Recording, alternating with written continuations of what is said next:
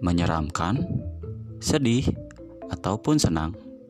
Gue yakin kita semua punya pengalaman tentang tiga hal tersebut. Sekarang, setiap minggunya, di live story, gue akan membacakan pengalaman yang kalian kirim melalui Instagram dan WA. Gue yakin banyak pelajaran yang dapat kita ambil dari cerita pengalaman hidup yang gue bacakan. Jadi, selamat datang dan selamat mendengarkan di live story.